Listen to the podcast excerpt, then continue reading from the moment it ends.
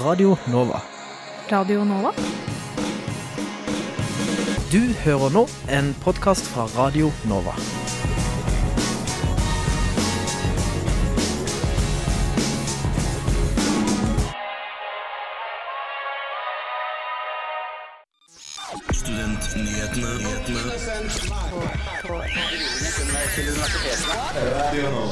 Hvordan er livet til en bussjåfør? Shahid har svaret. Hvordan er det å kjøre med Shahid? Nora har svaret. Du får også et utdrag fra ukens emnedagen om radikalisering. Visste du at det finnes en kjeller med en rekke skjeletter i hyller, skap og kommoder på UiO? Bli med oss. Derfor Derfor har vært. Og hvorfor er, hvordan var det å være stressende under, altså stressende under eksamensperioden i november?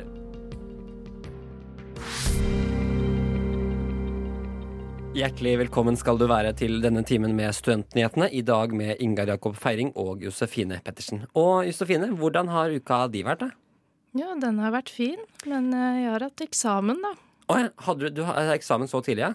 Ja, det har vært litt stressende, men uh, en 72 timers eksamen med litt for mange oppgaver. Men jeg fikk levert til slutt. Veldig bra, for det er jo litt sånn stress med eksamen, og senere i sendingen så skal vi høre med hvordan det var for UiO-studenter som var stressede under eksamensperioden i november. Men før den tid så skal vi ha en nyhetsoppdatering.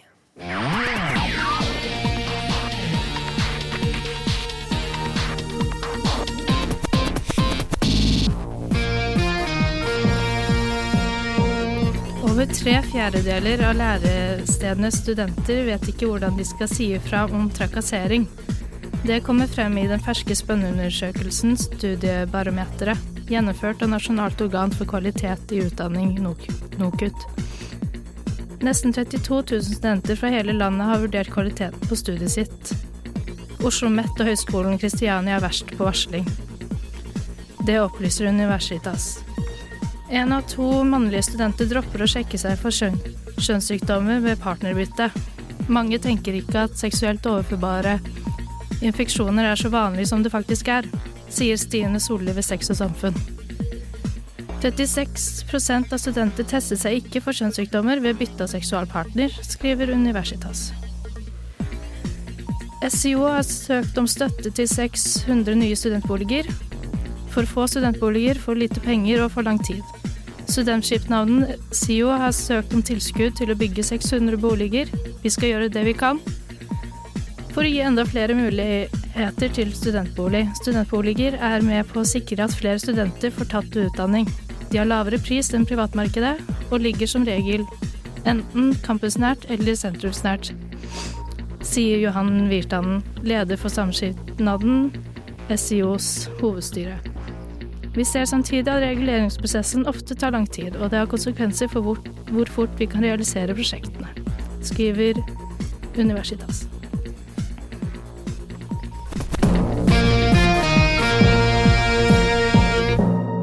Du hører selvfølgelig på Studentnyhetene, og nå skal vi ta en busstur, vi. For har du noen gang sittet bak i en buss og lurt på hvem er disse menneskene som kjører bussen? Ja, du har kanskje lurt på det. Det lurte i hvert fall Nora Torgersen også på. Hun dro derfor til Helsfyr T-banestasjonen for å ta en prat med 21 år gamle Zaid Naim. Han er bussjåfør for Unibuss, altså selskapet som blant annet kjører ruterbusser i Oslo. Og nå skal vi bli bedre kjent med han. Lenge siden så var det en eh, helt klasserom som kom inn i bussen. Så begynte de å synge denne sangen. Bussjåfør en bussjåfør. Jeg syntes det var veldig hyggelig. Han, han sto jo foran og hadde en gitar ved seg. Og så var det kameraten hans bakover. Så var det alle som begynte Han spurte meg først da om det går fint at jeg kunne gjøre det. Så da bare kjør på. og så filmet og sang på. Jeg var, ja, det var veldig hyggelig.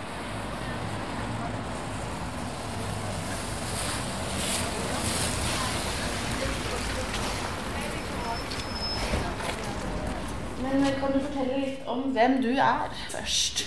Jeg heter Shahid og har jobba som lærling i to år hos Unibuss. Selskapet som heter Unibuss. Så det er akkurat for to uker siden jeg ble ferdig da. Hvordan har det vært så langt? Vet du hva, Jeg liker å kjøre veldig mye med buss, og, ja. så jeg syns det er veldig hyggelig å møte nye personer hver dag. Og kjøre med de gamle personene så jeg kjører. Så. Du har mange stam... Ja, samme passasjerer. Det er Det er så veldig, mange nei, det er ikke veldig mange unge, det kan jeg ikke si. Men eh, det er veldig mange gamle som er pensjonerte. Det er derfor vi trenger flere sjåfører. Eh, I rushtiden så, så kjører bussene hver fire minutter. Tenker du på en time hvor mange busser må kjøre for å rekke de, så trenger man mange sjåfører. Når var det du fant ut at du hadde lyst til å bli bussjåfør? Faktisk da jeg tok eh, billappen. Så når jeg tok billappen, og så kjørte jeg veldig mye rundt, hadde med venner og bare kjøre rundt og rundt hele tiden, så bestemte jeg meg å jobbe som eh, bussjåfør. For jeg liker å kjøre veldig mye. Men blir du sliten? Du kan Ja, spørs hvor lenge du jobber, da. For vi har forskjellige timer. Vi jobber ikke samme, samme timer hver dag. Dere har turnus, Ja, vi har skjønt. turnusdag. Så i dag jobber jeg syv timer. Det kan hende at jeg, på, i morgen så jobber jeg tre timer. Men du veit dette lenge på forhånd hvordan du skal jobbe, da, eller? Ja, eh, jeg har fått en gruppe nå, så da vet jeg planene for seks måneder videre. Fordi ja, vi har jo noen sjåfører som jobber helger, f.eks. 20% eller 40% stilling. Så for helger så er det veldig fint. Hvis du jobber fra mandag til fredag en annen sted, f.eks., eller skole, og så kan du jobbe lørdag søndag som sjåfør. Og da tjener du penger i hvert. Tror du at du kommer til å gjøre dette for resten av livet? Eh, Å jobbe i selskapet Unibuss, det tror jeg, men kjøringa pluss fordi jeg har lyst til å søke som lederstilling. Okay. Som trafikkleder og jobbe som rapportere rapporterer busser og Eller lære andre sjåfører hvordan man kjører. Så Ok. har jeg lyst til å gå oppover, men Ja. å jobbe i samme bransje. Eh, Har du opplevd noe spesielt ille?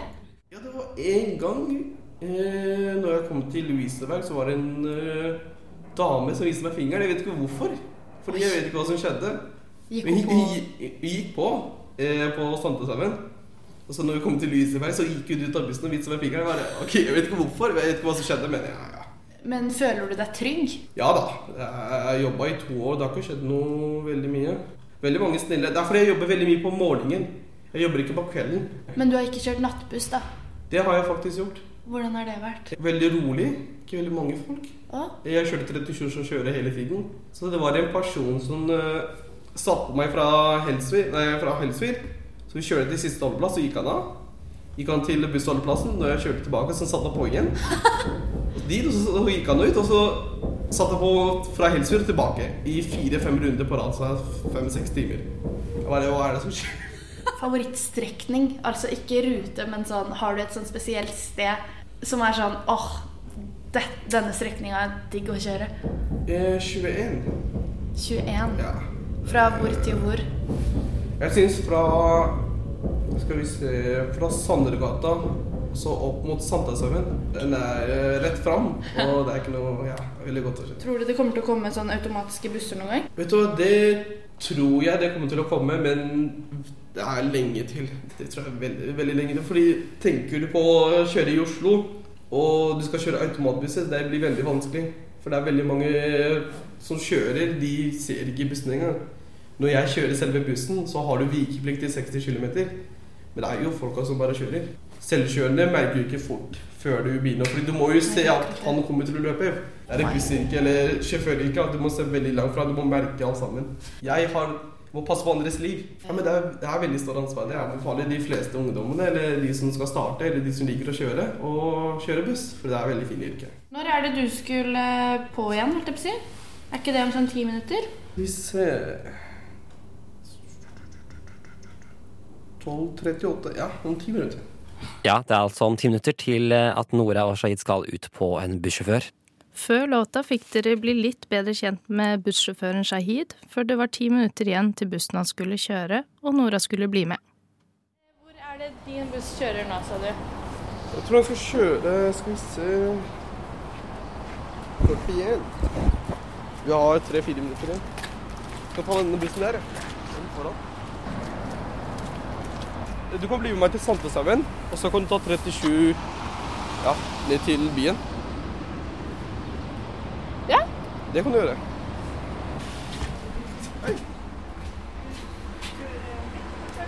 Det gjør jeg. Men eh, holdeplassen ligger på ved siden av taxien. Der borte. Tusen takk. Men kan jeg sitte på? Ok. Få være med før de andre. Du har sittet veldig mye i buss før, du? Jeg har sittet mye i buss, ja. Det har jeg.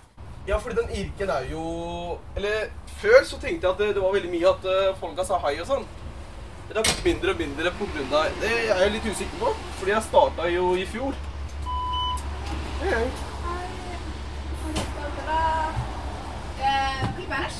Ja.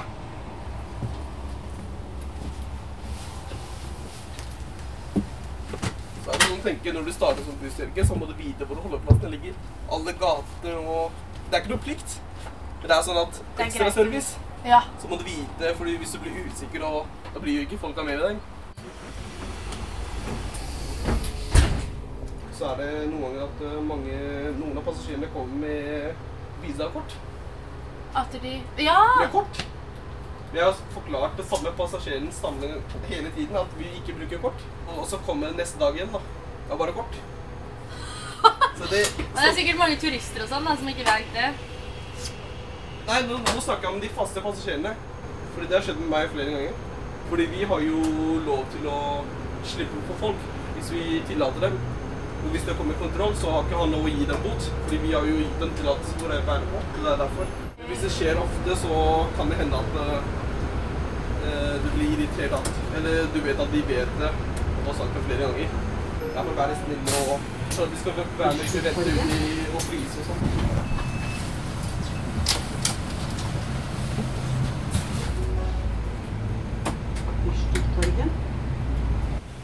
Det er ganske få sekunder du har, da. Ja, ja. Som jeg har sagt, så har du ett minutt til å få på passasjerer, få passasjerer og komme til neste plass. Men som ny sjåfør så stresser du veldig mye med tiden. Ja, jeg har roet, roet meg veldig mye ned pga. at det hjelper ikke å stresse. Første er jo sikkerheten vi tenker på når vi kjører.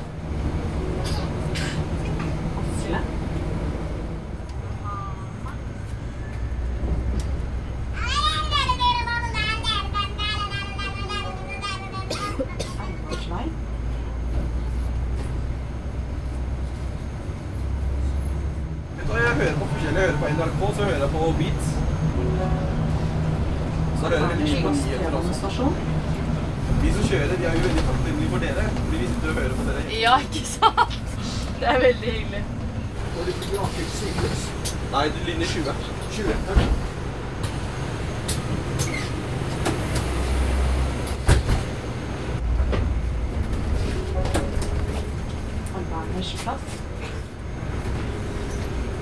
Sånn. Skal du ta shot herifra? At jeg skal? Du skal ta shot derifra. Du må til Mauritius, ikke sant? Ok, tusen takk for turen. det. Ha det bra. Det, det var hyggelig. Veldig hyggelig. Ha det. Vår reporter Nora Torgersen kom seg trygt til Majorstuen og hadde en trygg og flott tur med bussjåføren Shahid Nadim fra Unibuss. Håper du der ute fikk et godt inntrykk av hvordan livet som bussjåfør er. Nå skal du få et, et eh, uttrekk fra onsdagens emneknaggen, der temaet var radikalisering. Radikalisering, det begrepet. Hvordan kan man definere det? Nei, altså det, det er jo en prosess. Eh, Det ses på som en eh, prosess. Eh, Den norske staten, med utgangspunkt i, i PSTs definisjon, sier at det er en prosess. Det er en person i økende grad aksepterer bruk av vold for å nå politiske mål. Og når eh, PST eh, og norske stat bruker denne definisjonen, så snakker de eh, både om venstreekstremisme, høyreekstremisme og islamistisk ekstremisme. Så jeg vil jo innledningsvis påpeke at, at det finnes flere ulike typer ekstremisme, og at jeg tenker at altså, særlig i lys av, eh, av eh, de siste alvorlige hendelsene, blant annet eh, Utøya osv., så, videre, eh, så er det jo all grunn til å fokusere vel så mye på høyreekstremisme. Men jeg er da også en som forsker på, på islamsk ekstremisme, eller mer presist så forsker jeg på muslimske miljøer, da. Vi i Emnekagen er jo veldig interessert i å få til en sending på et senere tidspunkt som handler mer om de høyreradikale Mm. og den typen radikalisering mer, da. Men vi er veldig glad for å ha deg her i dag for å fokusere på eh, islamisme. Islamistisk eh, ekstremisme. Ja. Så hva var det som fikk deg til å ville dyp, dypdykke i dette temaet? Eh, Det er et godt spørsmål, eh, og takk for eh, spørsmålet. Eh, Altså, jeg må jo Man, man må jo kunne innrømme at uh, at islamsk eller islamistisk ekstremisme har uh, vært et, uh, et brennhett tema i, i, ganske lang tid. og som har fått stor oppmerksomhet i media. Eh, og jeg tenker eh, for min generasjon så er det jo særlig 11. september 2001, eh, eller angrepet på, på tvillingtårnene og Pentagon osv. av Osama bin Laden og Al Qaida, som, som på en måte var altså veldig definerende, da, ikke sant? En, en, viktig, en viktig hendelse. Og den hendelsen preget egentlig en del av mine studievalg. Mm. Jeg flyttet til Libanon der jeg bodde og studerte. Tok en mastergrad på universitetet der nede. Og ble egentlig gradvis mer og mer interessert i islam. Og ikke, ikke ekstremisme bare. Slett ikke. Altså, jeg syns egentlig eh, Jeg har alltid vært interessert i hva forskjellige folk, eller andre folk, gjør. Og da i denne sammenhengen andre kulturer. Eh, så muslimer generelt, islam, Midtøsten var noe som interesserte meg. Men, eh, men, det er jo klart at det er også fascinerende hvordan noen eh, mennesker blir, blir på en måte oppslukt av en ideologi. Og er, og er på en måte villig til å, til å gjøre utrolig mye da, for den troen eller ideologien. Så det er klart at sånn sett så var liksom ekstremismen og jihadismen kanskje ekstra interessant. Mm. Mm. Har du, eh, du har jo vært tett innpå det her, og du sier jo det med at det har vært et stort tema i media. Vil du si at det har et, vært et større tema i media enn det har vært på en måte i disse miljøene du har sett på? Eller rett og slett at, at det virker som at det er mer utbredt i mediene enn det det er i virkeligheten? Uh, ja, altså det er det jo alltid en fare for. Uh, jeg vil jo både si ja og nei, fordi at uh, det som f.eks. skjedde i uh, Altså, du hadde jo angrepene i, i, Madrid i 2004. Det var noen tog som ble bombet. Uh, du hadde undergrunnsangrepene uh, i London i 2005. Uh, og du hadde jo selvfølgelig disse dramatiske angrepene midt i, i Paris, på Bataclan, det konsertlokalet osv. Eh, så sånn sett, altså disse tingene var Og så hadde jo fremveksten av den islamske, såkalt islamske staten. Mm. Og dette var jo ganske dramatiske hendelser. Eh, så jeg tenker at for media å ikke fokusere på det, eh, ville jo vært helt feil. Ja. Så sånn sett er det ok, men, men, men, samtidig så er det jo klart at media, på godt og vondt, vil jo alltid ha en take på ting, og gjerne satt litt på spissen. Og det er jo klart at nyansene i debatten har jo, har manglet. Og jeg tenker at uh, uten at jeg har noen sånn spesifikk forskning på det, så, så, tenker jeg at det er mange uh, i Norge som, som, har på en måte et feilaktig inntrykk, stereotypisk inntrykk av islam. da. Eh, kanskje, som en følge av Eller om det er som følge av mediedekning, de har det i hvert fall. Og det, det tenker jeg at eh, mange kunne nok eh, gjerne visst at de aller fleste unge muslimer er eh, veldig moderate og veldig like ikke-muslimer, da. I mm. ting de syns er viktig i livet, osv. Du har jo eh, også vært eh, litt nære og intervjuet personer i disse miljøene. Hvordan har det vært? Og hva, hva opplevde du? Ja, altså det er uh, Altså i forhold til det så har jeg litt blandede følelser, fordi uh, du vet jo Man vet jo hva noen av dem uh, enten støttet eller var involvert i. Altså jeg intervjuet Jeg har snakket med tidligere såkalte fremmedkrigere. og jeg har snakket med folk som var involvert i Profetens Umma som er altså den gruppen som var den mest, mest ekstreme, og som på et tidspunkt støttet først Al Qaida, men, men også IS. Uh, da, da, da, den kom. Uh, og så har, jeg, har jeg snakket med folk som har, som har hatt veldig lyst til å reise da, til Syria men som bestemte seg for å ikke gjøre det. Så jeg har snakket med litt sånn forskjellige folk, og vanlige ungdommer egentlig, som på et visst tidspunkt støttet IS, uh, når, når, IS på en måte var kall det trendy, da, for å bruke et For noen var det det.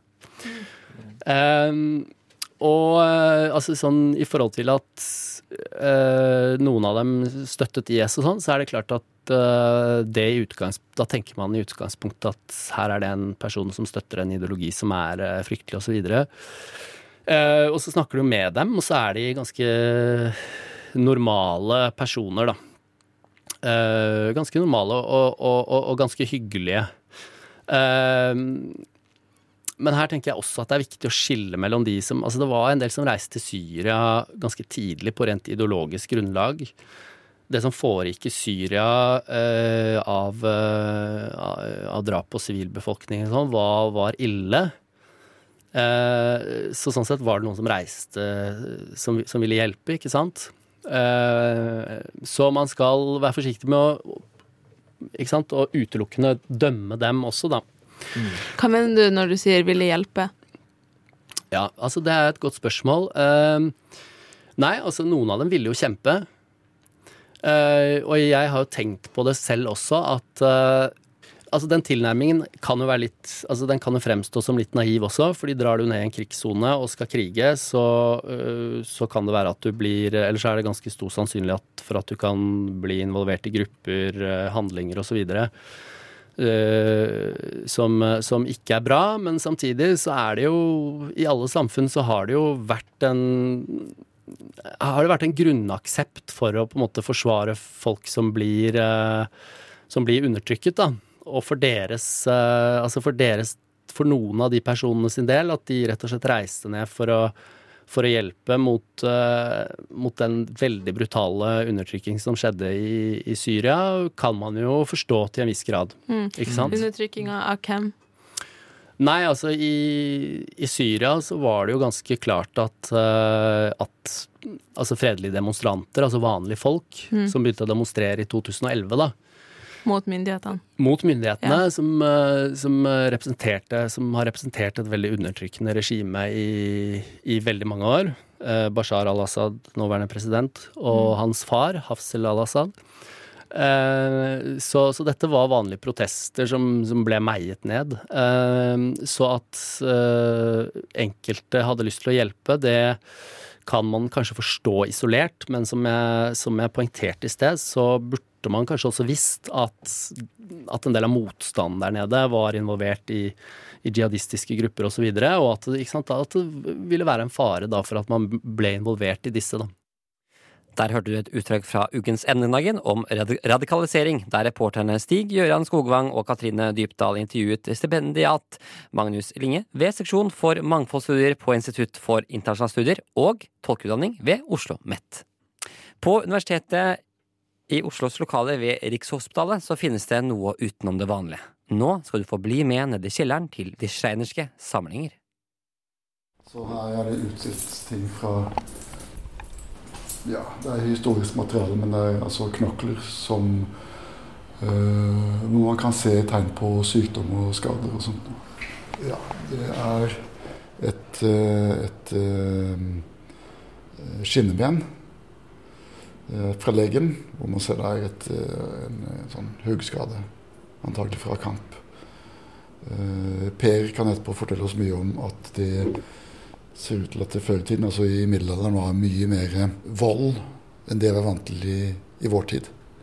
Det kan man se på, på skjelettene. Jeg har tatt turen til Domsmedica, rett ved Rikshospitalet. Der har jeg møtt Sven Davanger og Per Holk, som skal fortelle meg litt mer om de schreinerske samlinger som er en samling med skjeletter. Så her er et skulderblad hvor det er eh, brukt sverd. Som har fått et sverdhugg på, på ryggen, som har gått gjennom skulderbladet. Du blir altså aldri redd av å være her alene? Nei. Dette har vært mennesker sånn som oss. Vi er akkurat sånn som dem inni. inni. Så det er helt naturlig. Ja, de eldste der er fra um, jernalderen. Av de som er ute i skapet, altså. Men vi har jo skjeletter som er fra steinalderen. 2000 før Kristus. Eh, hvor mange skjeletter er det her nede? Ca. 8500 skjeletter. Eller eh, nummer, da.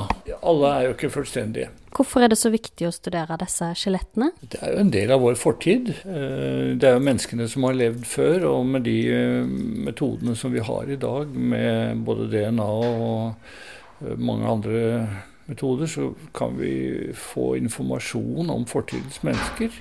Både hvordan de eh, har levet, og hva slags sykdommer de hadde, og hvor gamle de ble, og mange sånne ting.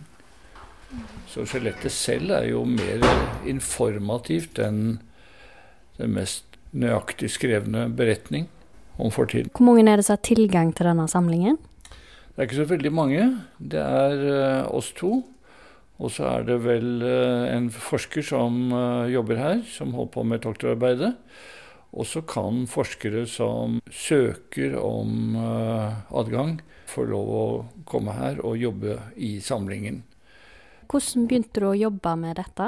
Ja, Det var mer tilfeldig at jeg fikk jobb på en utgravning. Og da studerte jeg medisin. Og det var liksom den kombinasjonen som var det gunstige, da. At jeg ble trukket inn i det av uh, professor Johan Torgersen, som den gang var sjef både for instituttet og som sto for, for samlingen her. Hva studier må man gå for å jobbe med dette? Det er jo mange arkeologer som tar såkalte osteologikurs, men det må nødvendigvis bli ufullkomment i og med at vi har veldig mye med eh, både kjemiske analyser og ikke minst patologi å gjøre, som betinger en eh, medisinsk bakgrunn, etter mitt skjønn i alle fall. Er det mange som ønsker å studere skjelett, av de så studerer medisin? Ja, det er jo det. Mange som ser på TV-serier og sånt, som Bones og den slags. For det er også arbeid sammen med politiet vi holder på med. For det er jo identifikasjon. Politiet er jo interessert i akkurat det samme som arkeologene. Hvem er dette? Hva slags informasjon kan vedkommende, eh, vedkommendes levninger gi om, om dette funnet? Og da er det nok mange som har eh, sett seg litt blinde på disse TV-seriene og tror at vi kan oppdage og løse alle problemer. Og det høres jo veldig spennende ut, men det er ikke fullt så rosenrødt i virkeligheten. Men vi får stadig henvendelser fra unge mennesker som har veldig lyst til å begynne med dette her. Men vi prøver da å fortelle at uh, man kan ikke leve av dette alene, sånn som i USA. Det, det, kan vi ikke. For heldigvis så gjør vi ikke så mange funn ute i eh, naturen av kriminalsaker som eh, gjør at vi kan involveres i, det, i dette her. Dere har altså bistått politiet i kriminalsaker? Ja, i mange år, ja. Vi har holdt på med dette i uh, snart 40 år nå. Per Holt var med også etter uh, Utøya-terroren og se på uh, legemer derfra. Hva gjør denne forskningen så viktig for oss? Mennesker, alle menneskegrupper, alle nasjoner har et behov for å kjenne til sin bakgrunn, sitt opphav. Hvor kommer vi fra? Hvem er vi? Hvem var vi før i tiden? Kan vi se et skjelett? Ja, vi kan Vi kan se hva vi finner. Mm.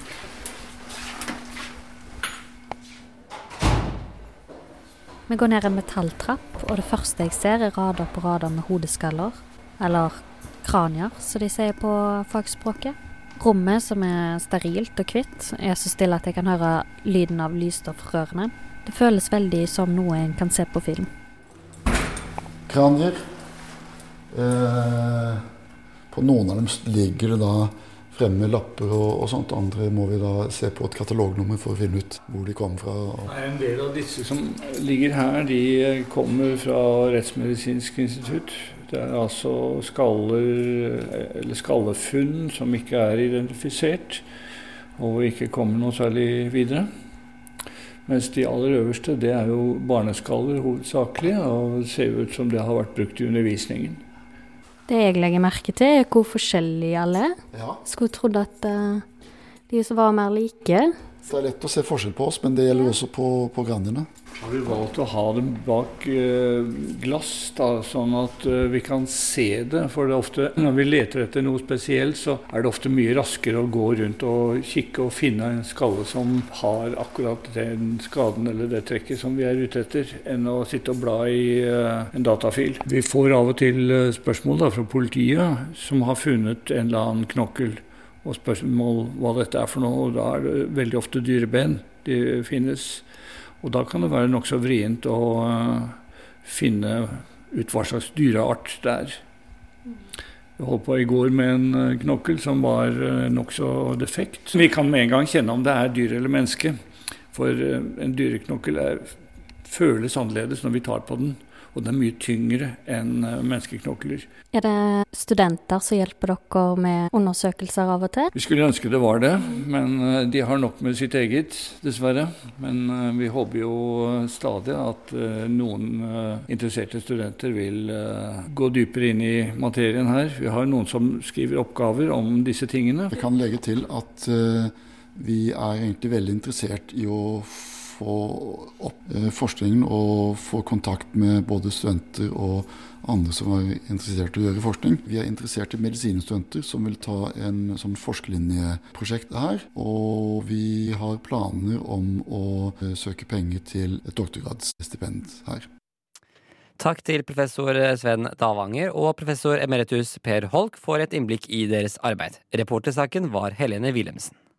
Vi tok tempen på studentenes stressnivå under eksamensperioden i november. Legg merke til hvor mye studentene sier ordet stress. Dørene lukkes. Stress, eh, koffeinbehov og hodepine. Hver gang jeg gjør noe, så bare tenker jeg liksom jeg burde heller sittet og lest på eksamen, men når jeg først sitter og leser, så vil jeg heller gjøre alt annet tror egentlig jeg har så veldig mye strategi. Det er mest bare at jeg leser ganske mye. Tar pauser, også leser, og tar noe Ja, egentlig ikke så spennende. Jeg har egentlig ikke noen spesielle strategier, nei. Prøver, prøver å jobbe litt sånn jevnt og trutt med ting. Um, det funker ikke så bra, men ja, prøver iallfall. I hvert fall komme for det meste gjennom pensum, fokusere på det som læreren har pekt ut som det viktigste og så diskutere litt eh, oppgaver og begreper med andre med studenter. Lese gjennom notater som allerede har blitt skrevet, og skrive inn nye notater på det som ikke har blitt lest gjennom. Bare pugge godt og ja, det er egentlig. Eh, kanskje samarbeide med andre um, i klassen. Jeg tar det meste på sparket, og har vel egentlig gjort det hele studieløpet ikke så stressa.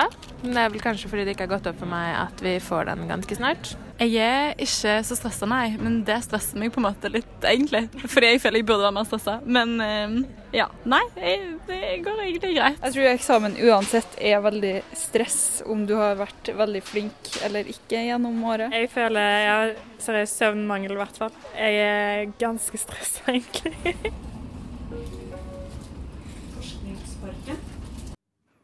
Der hørte dere stressede studenter snakke om hvordan de opplever denne eksamensperioden, og hvordan deres studiestrategier er. Reportere var Nora Torgersen og Helene Wilhelmsen. Bedre studenter. Studenter. Studenter. studenter. Ordet student. Studenter. Trygge studenter lærer mer. Studentsamskipnad. Er for studenter. Studentbolig. For studentpub. Studentsaker. Studentnyhetene. Hver fredag fra 11 til 12 på Radio Nova.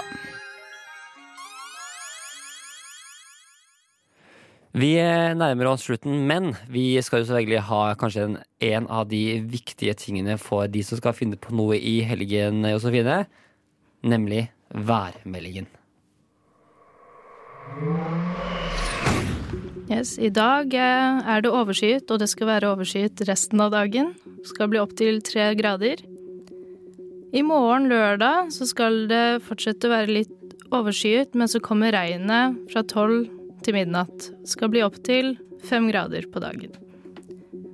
Søndag så blir det fortsetter regnet, men det skal være oppholdsvær på natten. Og det skal bli opptil fem-seks grader i løpet av dagen.